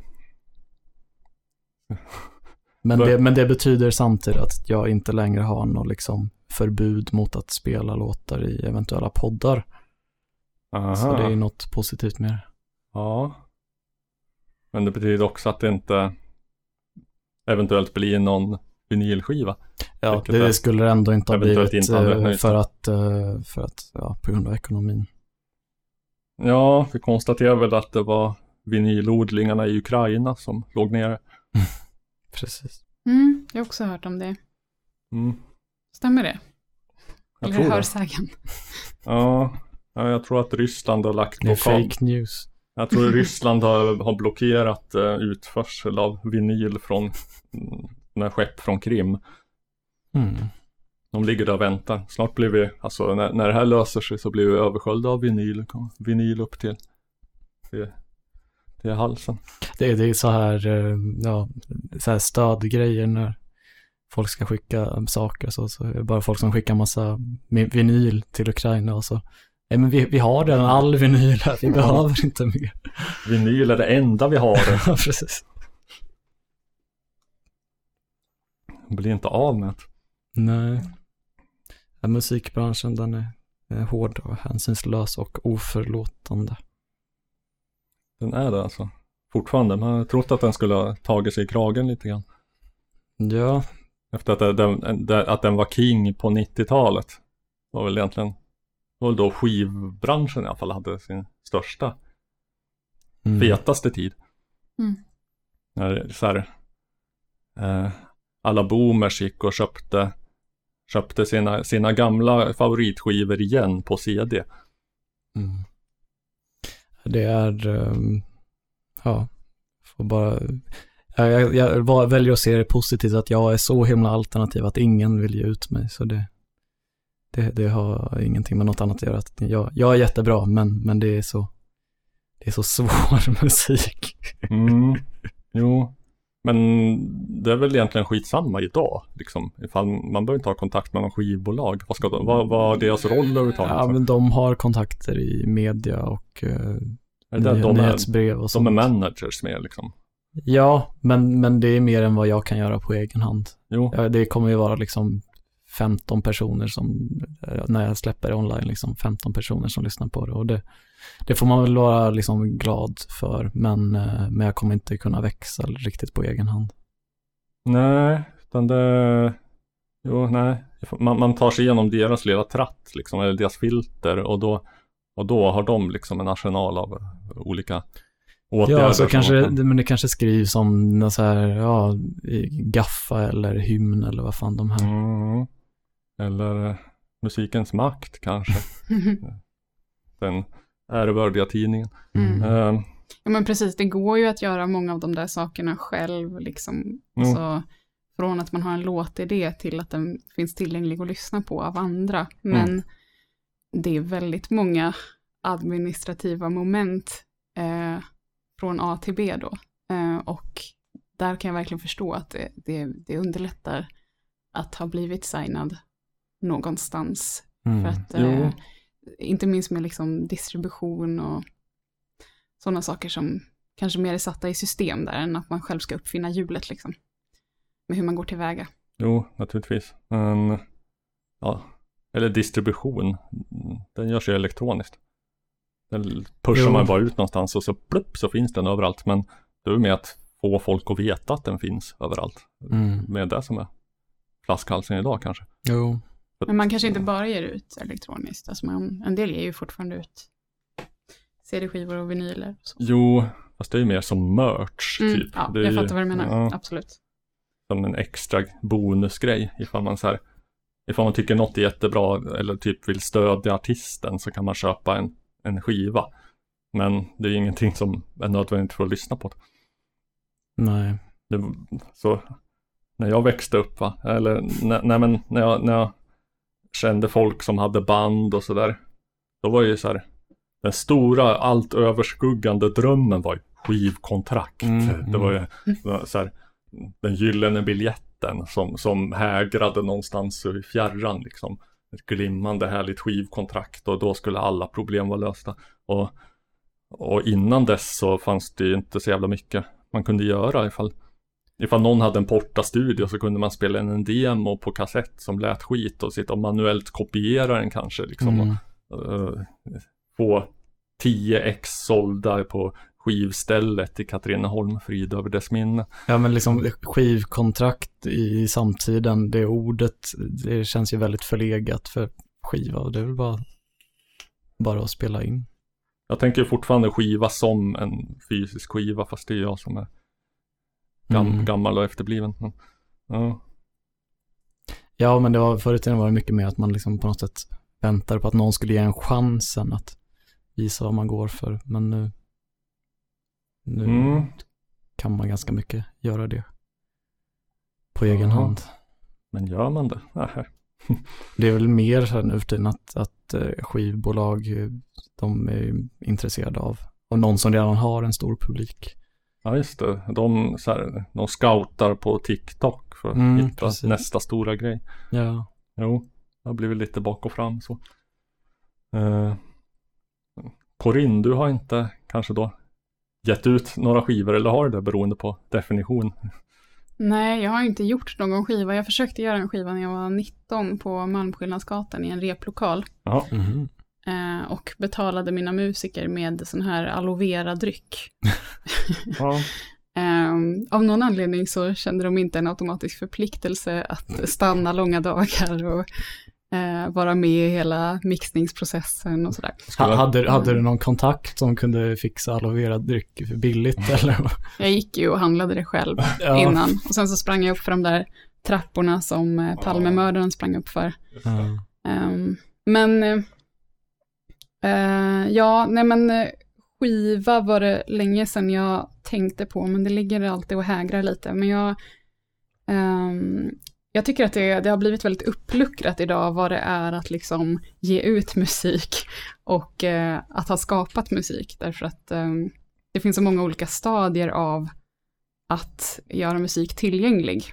Mm. Så för mig har det blivit ganska abstrakt. Eh, Jag, under sommaren 2020 så, så gjorde jag en låt som eh, liksom premiärspelades i en podd och det var en cover på ehm, Det är nog konstigt med friheten. Nu Oh, glömmer jag bort knutna nävar. pinsamt. Ja, tack, Mm. knutna nävar. Den är svängig. Ja, Vilken podd var det? eh, det var i eh, Kominterns eh, podcast, en eh, Mm. vänsterpolitisk podd. Mm, där, Ehm. där jag har fått in en låt också, dock inte av mig. Är det sant? Ett avsnitt som Svante var med i, han pratade om Libyen och Gaddafi. Just det. Då spelade de en mycket svängig libysk, libysk, det heter så, ja just det. Uh, rapplåt i slutet som, som jag hade tips om. Det kommer jag ihåg. Den Mm. var jättebra. Den var skitbra. Men ja, eh, så det, jag menar, utöver den typen av släpp så den finns ju liksom på Soundcloud och då är ju frågan liksom, är den släppt då? Har jag gett ut den? Liksom, jag har ingen Jo, skivbolag eller så. Så det blir mycket så här, man får definiera själv typ vad som är ens arbetssätt och distributionsform och ja. men det är sant liksom ifall, ifall, ifall man är van vid att tänka på så här släppa en skiva som en stor jävla grej så här. Eh, men ja, rent tekniskt så skulle jag kunna bara så här sätta på en inspelning och, och spela in när jag liksom lagar mat och sitter och skiter eller någonting och så, och så bara tjoffa upp det på Soundcloud och så är det 40 minuter långt och då har jag släppt en skiva. Eh, Alltså my- mycket med sådana där grejer, alltså, jag vet inte, i alla fall i bokbranschen så är, är, är det alltså mycket som styrs av, alltså det, det är många bidrag och stipendier och sånt som, som man måste ha blivit utgiven på, på ett riktigt förlag för att, mhm. för att få. Eh, och jag, jag kan tänka mig att det är samma inom musik också, att de, de har någon slags, de ser det som något grundläggande liksom filter för att liksom ta, ta något i beaktande Mm. för ett eventuellt stipendium, att det har liksom gått igenom en, en sån process. Att någon annan har gjort kvalitetskontrollen åt dem. Men, Ja, Men eh, en sak som jag tycker gör det lite mer på riktigt att faktiskt eh, ja, tillgängliggöra det man har skapat är ju faktiskt att registrera det på STIM. mm. Att. STIM-ansluta ja. sig och STIM-registrera. Ja, det var också en grej bland mina bandspelande kompisar att stimma grejer. Det var en stor grej. Det blir lite mer på riktigt då. något Ja, men vad är grejen då? Då är det väl att man ska få en liten slant så fort den spelas i radio eller? Det, ja, ja det blir väldigt lite på det sättet. Men eh, ja, vi betalar ju stora stimpengar här alltså. Stor Men del av budgeten. har man ett längre stycke som spelas i radio så kan det bli ganska mycket pengar faktiskt. Ja. Ja, du har inga siffror i huvudet på. jag tror... Är, det- eh, är det mer än en Spotify-spelning? Ja, Jag har bara varit med om det det- en gång, men eh, ungefär åtta minuters speltid i P2 gav eh, ungefär 500 var till mig och min Wow. medkompositör. Var fan inte illa. Nej, det, är- det är ju rätt mycket, men det är också ovanligt att man får, alltså jag menar, hur ofta spelar man ett så långt stycke mm. i radio? Det, ja, det, det går per minut alltså. Och, och jag tror också hur många som lyssnar, eh, hur stor publiken är. För det har jag sett liksom Ja. på, på, ja, när jag läst på om att eventuellt stimma för en podd liksom så, så eh, är det, betalar man olika mycket beroende på hur, hur långt stycke musik och hur många lyssnare slash nedladdningar man har. Mm, jaha, alltså. Så att det blir dyrare om du har 100 000 eh, lyssnare än, än om du har fem lyssnare. är det Spotify då du tänker på? Nej, men bara allmänt om man ska spela upp musikstycken, copyright eller Stim, Stim-registrerade musikstycken i en podd. Mhm. Det här känner inte jag till. Vadå, Alls. och, och, vänta så, den som ska spela det här i en podd, Mm. jag frågar ju för publikens skull, för Mm. jag känner ju naturligtvis till det här, vi, vi, vi, vi följer ju alla lagar och förordningar här, Ja, ja. nu givetvis. Men eh, den som ska spela ett musik, stycke musik i en podd, Mm. den ska betala en olika hög summa beroende på hur populär den här låten redan är? Eller? Nej. nej, nej. Eh, beroende på hur populär det, din podd är. Jaha, ja, ja. Okej, ja. Ja, Ja, då förstår jag. jag vad du menar. ja. Ja. Jag trodde du menade Ja. den som har skrivit musiken, hur många nej, lyssnare den nej, nej, nej. Vilket Ja. känns lite svårt att mäta. Det känns också väldigt orättvist liksom att de som redan har mycket ska få ännu mer. Ja. ja, men sådan är kapitalismen. Ja, precis. Okej, men så att eh, sä- säg att man lyckas få en då räcker det med tre minuters låt spelad i P3 en gång så kan man hova in en, En pizza. en, en pizza, en, en hel kväll kanske på Ja. Lion Bar. Det är i alla fall bättre än vad Spotify erbjuder. Det, det, det, Tänker det jag. bästa gaget jag har fått för en spelning är 500 spänn och en halv pizza. Halv pizza. Det är bra. Ja, Lite snålt med halv pizza kan jag tycka. ja men han, han åt den andra halvan. Han som betalar. Ja. Ja. Han kom från och högg den liksom. Nej fan. Du var inte värd så mycket. Jag ångrar mig. Precis. Det var, det var liksom på... Jag fick första halvan innan spelningen och sen efteråt, beroende på hur bra det hade varit, så skulle jag få andra halvan av pizza. Mm.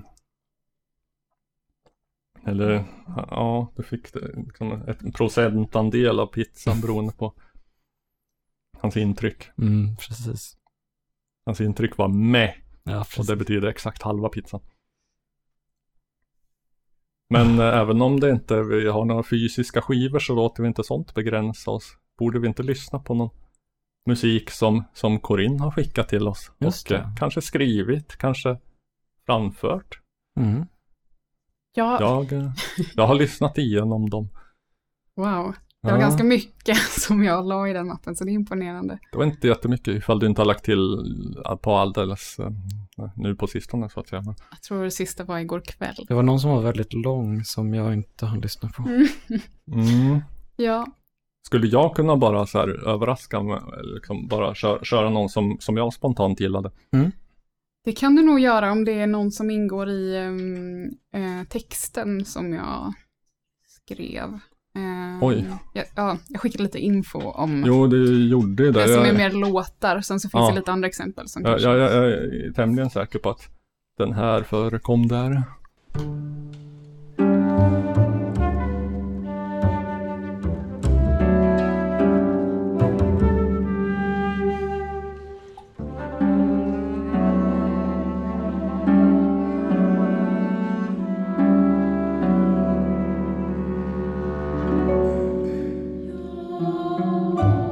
Live?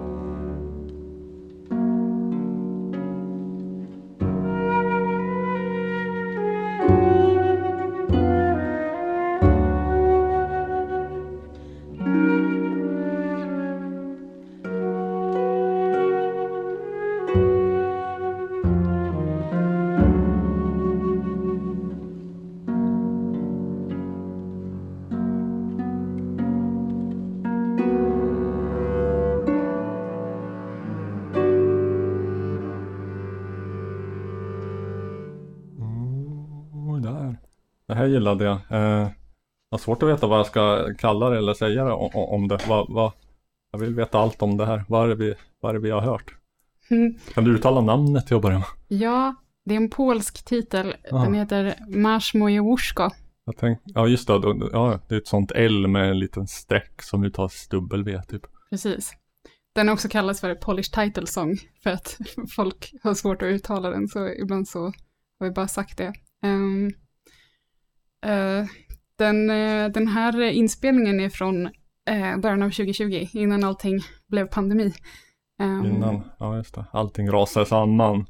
Precis, och ehm, eh, kontrabasisten som har en ganska framträdande roll här, eller det har de Ja. ju alla, men eh, han eh, var jag i ett ganska nära samarbete med eh, när jag gjorde just det här arret. Ehm, och eh, vi ja, försökte hitta olika sätt att eh, göra liksom ramar för improvisation och hitta olika slags Mm. klanger med kontrabasen och sådär. Han heter eh, Jonas Nilsson. Ja, Eh, Men låten skrevs faktiskt redan 2012 på gitarr Mhm. bara. okej, så hur mycket, ja det är svårt att säga, hur mycket av det är improvisation? Det som vi har hört. Det- det är, i hans fall så, man skulle kunna säga att det är ganska lite, men om man tittar på om man närstuderar så skulle man också kunna säga att det är rätt mycket variabler. Ehm, han improviserar inte liksom tonart eller ackord eller Nej, melodi nödvändigtvis, men han improviserar eh, styrka och vilken oktav han ska spela i och Artikulation. Eh, artikulation, precis.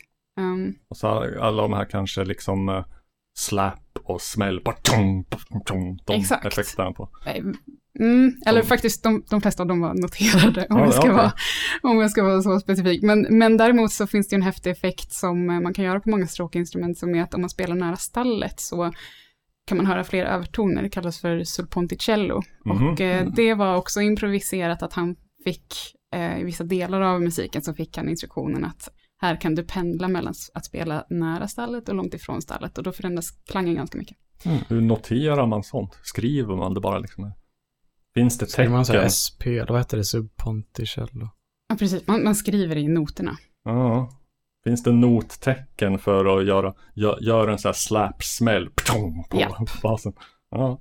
För du brukar se i så här notationsprogram att det är bara massa, alltså bara skriver liksom bokstäver ovanför typ. Eh, för olika slags, eh, ja, Da capo, om det ska vara alle pizzicato eller Ja, eh, och så vidare. Ja, just det. Mm.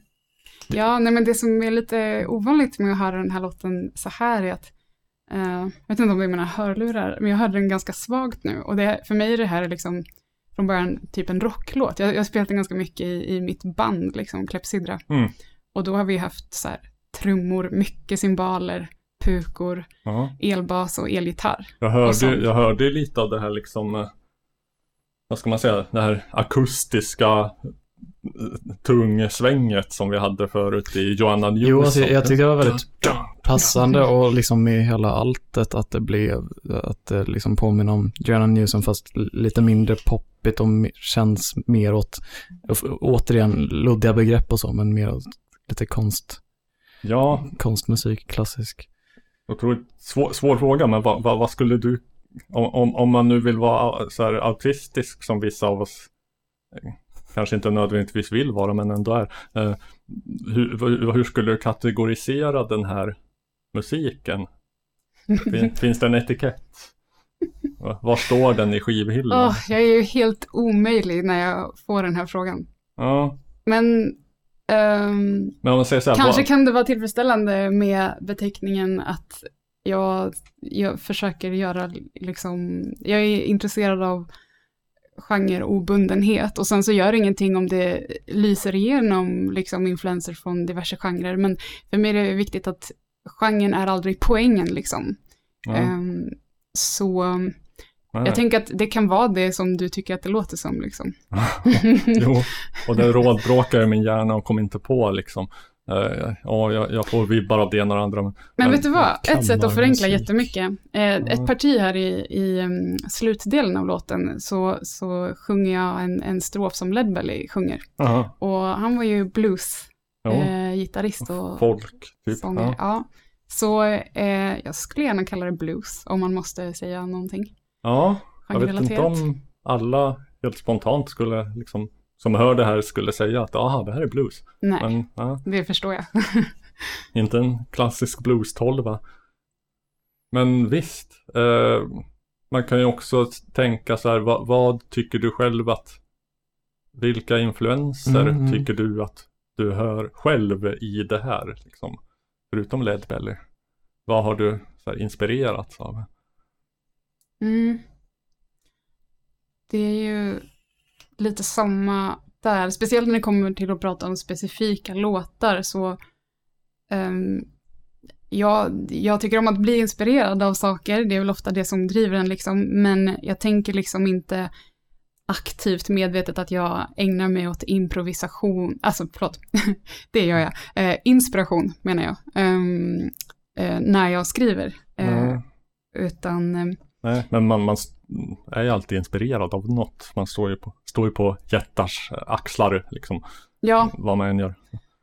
absolut. Och då, men då tycker jag att det är lättare, istället för att prata så om en viss låt, eftersom jag är ganska så eh, emot att, att eh, liksom härröra eh, det jag skapar till en viss konkret inspiration. Mm. Eh, så, så tycker jag det är lättare att tänka på mm, kanske hur jag förhåller mig till musik i stort.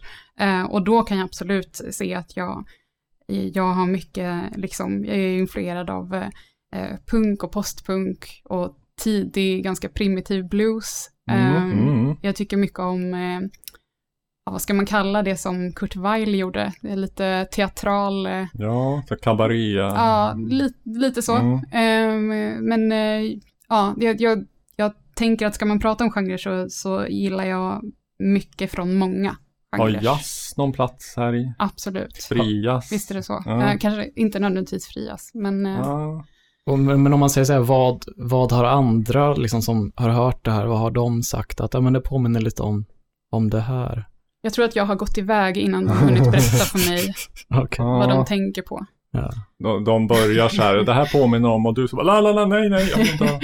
Nej, nej men eh, det kan man säga samma sak där. Generellt liksom som folk har sagt om musik så ja, det är alltid från att någon tycker att någonting låter som Pink Floyd, någon tycker att någonting låter som eh, någon eh, Joni Mitchell Ja. kanske. Eh, Ja. Du jag gillar ju Mm. både liksom skramlig, hård, tung musik och eh, fjäderlätt musik så att eh, det är väl också därför jag tycker att det går inte riktigt att Ja. bara välja en kanal. Ja. Du, du, du sa kanske inte frias. Jag ska spela upp en liten grej, se om du har någon reaktion på den här.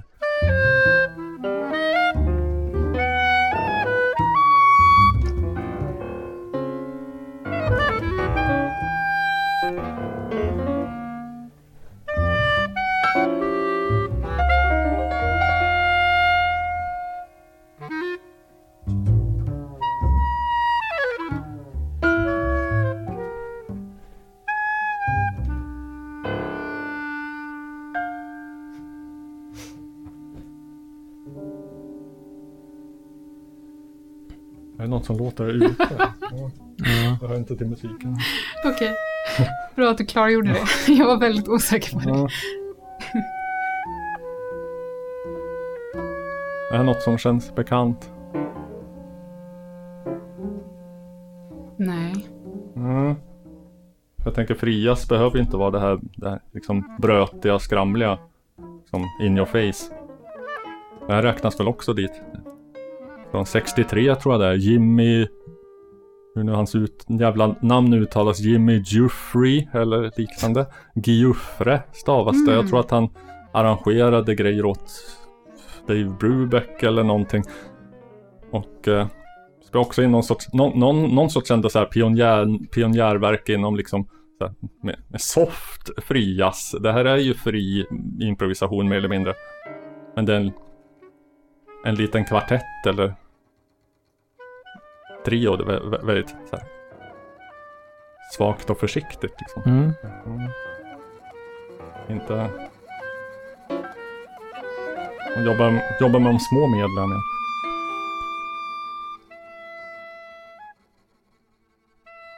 tycker jag kunde höra lite av sånt i, i Mhm. alla fall något av det du skickade tror jag. Mm.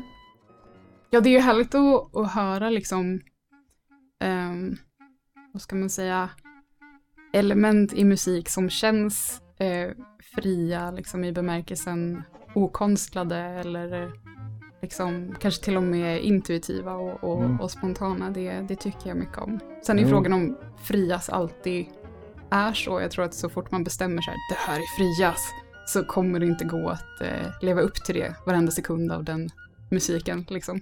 Det gäller väl egentligen den sån här tes som jag har.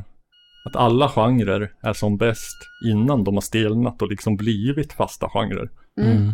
Så att eh, ifall, ifall de som spelade in det inte visste att det i framtiden skulle kunna ka- skulle kallas det och det och det. Då, då är det liksom, då- är de i, i rätt, rätt fas så att säga.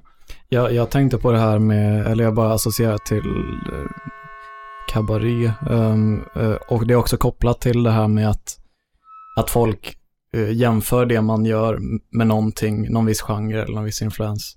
Eh, det, det är en väldigt kort låt och jag ska bara spela upp en bit av den, men eh, och med, med brasklapp för att jag känner mig alltid så eh, liksom egocentriskt egocentrisk och na- narcissistisk när jag spelar upp något jag själv har gjort. Men det var en låt jag gjorde som, som folk, jag tänkte, ja men det här är lite väl jazzigt och folk bara, nej jazzigt nej, men eh, kabaré. Det är väl också din podd också det här va? Så att, Ja. eh, Eller hur? Kanske inte be om ursäkt. Jag ska se, men då sätter jag igång en låt här. Nu ska vi se. Yes, det gör vi. cyklar varje dag och dagen lång På jobbet, till jobbet, hemifrån Och hem igen tar jag en tur På helgen cyklar jag i ur och skur Visst minns du Vita bergsparken Vi pratade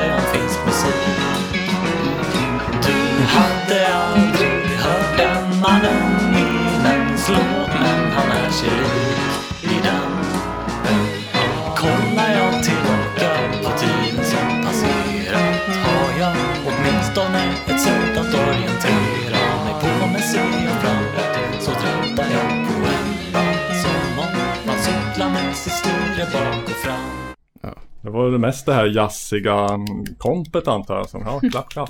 eh, som ger sådana gamla kabaré-associationer, tänker jag mig.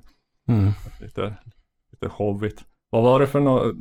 Var det en gitarr som låg i bakgrunden och lät skum? Eh, I refrängen. Ja, ja. Ja, precis. Den var ball. Den hade nog inte Kurt Weill använt sig av. Men den, den låten fick det eh, lustiga namnet M.A. Numminens cykellåt. Mm. Åh, vilket bra namn.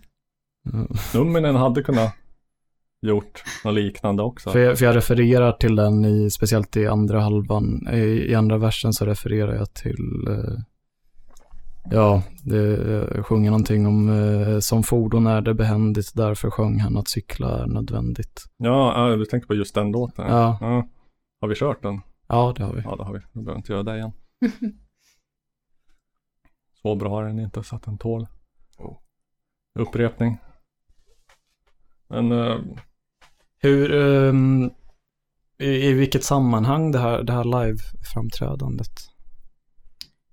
Ehm, det var ehm, på en festival som ehm, heter Sirenfestivalen som arrangeras av eh, studenter på eh, kompositionsprogrammet i Göteborg. Mhm. ja, just det. För det var ju där du pluggade. Mm. Mm. Precis. Du, eh, jag vet inte, jag har inte jättestor input på det här. Jag, jag, jag skummade ju lite i din uppsats va? Mm.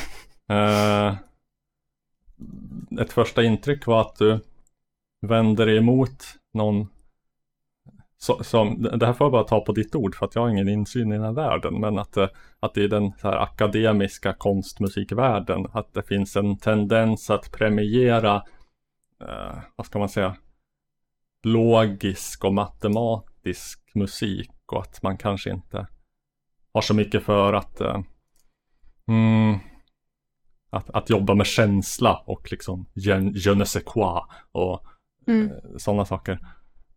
Ja, Att det ska vara mer Vad, mätbart. vad betyder Jenny Sokwa? Eh, Jag vet inte vad, tror jag. väl Ja. ord, ordagrant att det betyder. Alltså som att ha någonting mystiskt över sig. Ja. Ja. Det. Mm. Ja, som Clara Bow hade. Ja, ja. Eh, men typ att, är det så att ifall man vill safea som musikstudent, då ska man då ska man skriva ett stycke som så här utgår från en mandelbrot-fraktal eller någonting. Och istället för att så här försöka ingjuta någon känsla hos åhörarna. Alltså, bra fråga. Det är väl lite det jag har försökt ta reda på i, i, i arbetet. I det här eh, konstnärliga arbetet som är att man skriver en kandidatuppsats som sitt sista examinationsmoment. Liksom. Mm. Ehm, jag har väl också gjort en historisk eh, granskning över hur det har funkat på liksom, musikinstitutioner och kompositionsskolor. Eh, eh, skolor, eh, liksom tillbaka i tiden och eh, det beror ju på att eh, även idag när man eh, blir antagen som student på kompositionsprogram så eh, är det nog eh, ganska vanligt att man kommer i kontakt med uttrycket konstmusik. Mm. Eh, och då, eh, de flesta kompositionsprogram har ju en sån beskrivning att det kallas för eh, att inriktningen är västerländsk konstmusik till exempel. Ja, och då börjar man ju direkt fundera, eh, vad är konstmusik, vad går inom ramen för konstmusik? Och då det finns var min nästa fråga faktiskt. Ja, men precis. Vad fan är det för något egentligen? Och det försöker jag också ta reda på i min uppsats eh, och har försökt ta reda ah, på som student i samtal med lärare och med studenter i flera år. Ehm, och jag alltså, tror... de, berättar inte det förrän på första lektionen. det borde vara Jag rimligt tror att... att beroende på vad man har för bakgrund så är det kanske för vissa människor alldeles självklart vad det är och rätt överflödigt att diskutera. Det bemötandet har jag absolut fått. Sen så finns det andra som tycker att det är en Ja. ganska viktig diskussion. Om man pressar, Ehm. om man pressar och ställer de personerna mot väggen, kan de då ge liksom en tydlig, stringent definition? Det här är konstmusik. Ja, alltså, eller, eller som pornografi, liksom. Jag känner igen det när jag ser det. Eller? det beror väl lite på hur specifik definition man vill ha. Man skulle ju kunna säga att det är en slags kunskapstradition ehm, inom komposition. Mm. Eh, och att det eh, har utvecklats som en, eh, ja, vad ska man säga, motsats eller motvikt till eh, populärkulturen. Mm. Eh, som eh, uppkom under 1800-talet. Ja. Då var det liksom konsten och populärkulturen som blev som två motparter liksom. Var, var, var det då de liksom förgrenades? För jag tänker mig att det kanske inte Ja. var direkt Eller det vet man ju kanske inte innan dess. För att man, man vet väl inte hur populär musik, hur, så här, vilken musik bönder spelade och lyssnade på på 1700-talet. Det är lite Ja. svårt att veta. Det är liksom mer folkmusik, men det var väl den typ, den tidens. Ja, men det som hände under musik. 1800-talet var att eh, i och med att musiken blev mer del av en marknad eh, så upptäckte man att det fanns musik som folk betalade mer för än annan musik. Mm. Och då blev det en ganska tydlig sån distinktion där att okej, vi har konstmusik och så har vi populärmusik. Och eh, populärmusiken, det är den som går hem. Det kanske är de noter som köps hem, som, som folk sitter och spelar, eh, alltså de sånger som kanske är av det lättare slaget, som man sitter och spelar vid pianot. Eh, Mm. ehm, Mm. Medans ja. konstmusiken fick man då tillgå genom andra eh, rum. Ehm, Ja, ifall man liksom tillhörde överklassen och hängde på salong och kunde se stråkkvartetter spela här Brahms senaste hit, typ. Mm. Eller, Jag ska inte prata för mycket om hur det var eh, just i början eh, under 1800-talet där, men det, det som jag har försökt titta på är ju vad den här uppdelningen egentligen betyder idag, därför att när man studerar musikhistoria så är de här begreppen väldigt frekvent använda, konstmusik, populärmusik, och jag är väl själv lite så här eh, skeptisk till att det är så vedertaget vad som ska vara det ena och vad som ska vara det andra. Och, ja, ehm, men det är väl där det inte är. Eftersom ingen verkar kunna Nej, men det, det är vedertaget på det sättet att det, det ifrågasätts inte i undervisningen. Ja. Ehm, I alla fall inte den som jag har tagit del av. Men, men, eh, men eh, jag hade en eh, lärare i musikhistoria som sa att idag kanske de här begreppen går att betrakta mer som sfärer, vilket jag tycker var ganska bra liknelse att det är sfärer som delvis överlappar varandra. Ett, så vi kanske ett inte har... Venn-diagram. Ja, så vi har inte nödvändigtvis konstmusik som är helt frånskild populärmusiken, utan vi har också ett fält där de överlappar och eh, det kan vara ganska mycket musik som befinner sig där. Är det meningsfullt att göra åtskillnaden överhuvudtaget då? Liksom? Så jag tycker ju inte det. Men vi Mm. har onekligen ett samhälle där det är alldeles självklart att om man ska gå en kompositionsutbildning, då skriver man konstmusik och tillhör plötsligt eh, konstmusikfältet, eh, vilket jag inte vill göra. Mm. Nej, det verkar Även om lite jag- trist. Kan hitta mycket inom konstmusiken och konstmusikfältet som är jättespännande och absolut värt att ta del av, så känner jag inte att jag måste, eh, vad ska vi säga, ära det fältet och representera Nej, nej, nej. det fältet liksom. Nej, att man måste Mm. vörda liksom traditionen. Nej men precis, exakt. Samtidigt som man, som man utmanar och spränger gränser på den jävla vänster. Liksom. Mm. Jag, jag tänker lite, om jag bara tänker på något exempel, så här, de tidiga liksom minimalisterna, eh, eller jag vet inte vilka som var tidiga, men så här Philip Glass och, och sådana där det bara är en så här tape, Lam- tape Young. Ja. en så här tape loop där man, man spelar två saker och så förskjuts det lite i, i, eh, ja den ena är lite, lite snabbare än den andra så att när det har gått ett helt varv, några minuter, så liksom eh, går de i synk igen. Mm. Det känns väldigt tydligt att det inte är populärmusik. Eh, skulle jag säga, för Mm. det är inget något. Men samtidigt liksom... Samtidigt influerat extremt mycket. Ja, men Populär. mycket liksom med industri och, och, och sånt känns det som med liksom, ja med Throbbing Gristle och, och allt liksom var, det var mycket, och det, där, det kan man ju verkligen säga var, även om det liksom är mer svårtillgänglig så var det ju ändå på något sätt skulle jag säga populärmusik. Mm. Mm. Sen finns det ju också, eh, innan vi eh, går vidare, så kanske man ska också tillägga att det finns ju eh, nyanser inom diskussionen eh, om konstmusik också, eh, och inte minst vad det innebär att eh, tillhöra, il- tillhöra postmodernismen eh, versus att tillhöra Mm. eh, den tidigare då, mo- modernismen. Eh, Mm. Och eh, att eh, båda de kan ju räknas till konstmusikaliska epoker, Mm. om man så vill. Men de, det har ju funnits motsättningar dem emellan. Eh, Vad, vad räknas till postmodernism inom musik? ja, om man tänker eh, postmodernismen eh, inom konst, liksom, så Ja. kan man säga att det var lite som en rörelse som försökte bryta sig ur en del hårda grepp från modernismen som kanske låste den konstnärliga friheten i vissa avseenden. Mm. Eh, sen så finns det många som kanske menar att det finns exempel på modernism där man kan bryta sig ur de där greppen men fortfarande ägna sig åt modernism eh, eller Mm. ingå i modernism. Det finns ju alternativ modernism som jag inte kan jättemycket om men som jag har hört talas om när jag har Men, ja. Försökt ta reda på det här. Var inte grejen med modernism överhuvudtaget att, uh, var, inte dess grej att bryta sig ur, Precis, Gamla.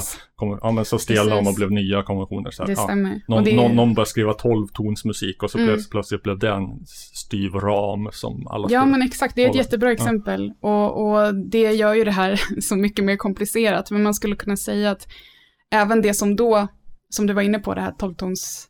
Eh, vad, vad sa du att du kallar det? Jag sa bara 12-tonsmusik. Ja, 12-tons Serialism serier. brukar man säga. Ehm, ja, nej men alltså, Dodeka någonting. ehm, det som, som eh, på något sätt vid en viss tidpunkt var uttryck för att ehm, vi ska, vi ska liksom spränga ramar och, och, och eh, utforska och skapa någonting nytt och aldrig tidigare hört och sådär. Det blev ju så småningom, ehm, förmodligen omedvetet, men det blev ju då nya, Mm. eh, så småningom så började det ju befästas, är min teori, och flera har väl gjort samma betraktelse, att eh, aha, men om vi bestämmer vad som, hur, hur nyskapande musik låter rent estetiskt, Mm. då har vi plötsligt bestämt att det finns en, en estetik för att göra Ja, nyskapande. det, det har blivit en genre. Ja, stelnat, precis. Det- Som vi, Exakt. som vi. Och då blir det inte så fritt längre. Men jag tänkte på en, en modern kompositör. Jag vet inte ifall, eh, vad, vad de skulle säga på musikhögskolorna om den här killen och ifall det är postmodernism eller vad det är för någonting. Eh, och nu vet jag inte alls vilken stycke jag ska spela här och var jag ska gå in i det. Men jag bara chansa på att gå upp här.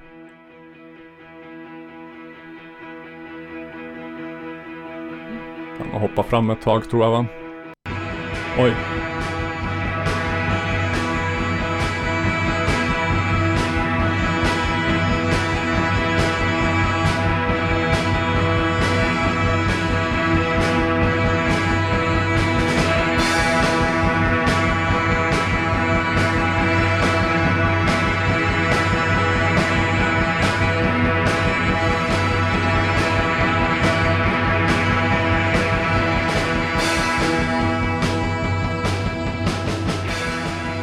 Vet inte om det här var bästa exemplet, men Glenn Branca.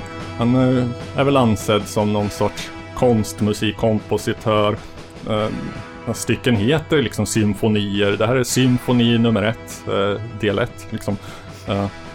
Och det är så här 20 jävla elgitarrister som står och maler på och till, till, till ett ganska tydligt rockkomp. Ja.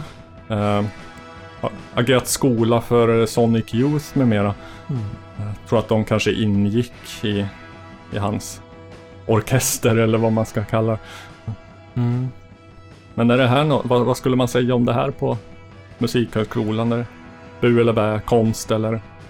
Det beror på vilken lärare du har. Ja, Ehm, jag vill verkligen betona att eh, på ett väldigt intressant sätt så eh, kan man få många olika reaktioner ehm, om man skulle spela upp det här.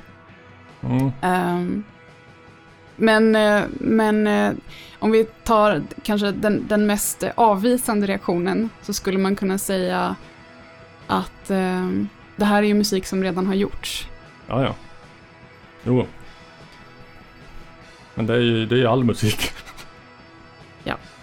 Annars Ehm, finns den ju inte. Det finns ju en sån eh, lite liksom fördomsfull attityd till musik med ehm, eh, komponenter som, är, som förekommer i annan musik, det vill säga väldigt mycket musik. Jo. Eh, nej men liksom här, okej. vi, i den här musiken, vi har en stadig trumrytm. Jo. Eh, vi har eh, en liksom, upprepning av eh, ja, men, den här liksom, nästan borduntonen um, pedaltonen. Ehm, och det är en viss energi liksom. Ehm, ja, nej men en riktigt, en riktigt ointresserad avvisande lärare skulle kunna säga varför, varför behöver man göra den här musiken? Ehm, jo. någon annan skulle kanske intressera sig mer för eh, exakt samma fråga. varför gör man den här musiken? Eh, men inte på ett retoriskt sätt, utan... Jag tror att det här, det här är från 70-talet någon gång och det hade förmodligen inte gjorts något, något precis som det här innan.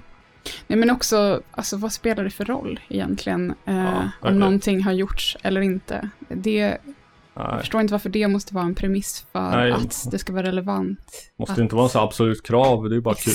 Jag tycker att det är kul och när folk gör nya grejer givetvis. Ja, absolut. Men, men ofta liksom så när, när, när musik, när, när det så här blir en ny genre, man ser kanske inte ens det under tiden. Det, det är väl sällan som någon så här kommer och Wow, jag, jag, jag har kommit på en helt ny musik, att göra musik på ett helt nytt sätt som Mm. ingen någonsin har hört maken till. Jag har sk- Mm. skrivit någon liksom manifest. Det här, precis det här ska mm. här baseras på. Mm, Men jag tycker det här lät som ett eh, alltså, intressant eh, ljudlandskap. Jag är säker på att flera av eh, lärare som jag haft skulle tycka att det var intressant att och även spela upp eh, på lektioner. Jag känner att jag borde ändå nyansera den här bilden som jag kanske har gett av jo, jo. kompositionsutbildningar. Jo. Mm. Inte en monolitisk institution kanske. Nej. Och där sätter vi tydligen stopp för den här gången. Eh, lite abrupt kan tyckas, men det får ju bli ett andra avsnitt med Corinne. Kommer eh, snart, vad jag nu menar med det, kanske inom några månader, kanske kortare tid än så. Ja, under tiden så, så är det ju bara att gå in på the Facebook ifall man använder sånt. Ni vet att de coola idag, de använder ju Discord. Dessutom gör vi det. Eh, länk finns i avsnittsbeskrivningen. Eh, och för att eh, stödja Loves uppehälle, jag behöver inget sånt där va. Jag, reklam utan allmosor. Men eh, så, så, så finns det ju också Patreon där man kan sätta in en liten slant. Länk också i, i samma beskrivning. Ja, nog med sånt här PR-skit nu. Eh, piss och kräm och eh, så blir det till avsnitt snart va? Mm. Hej!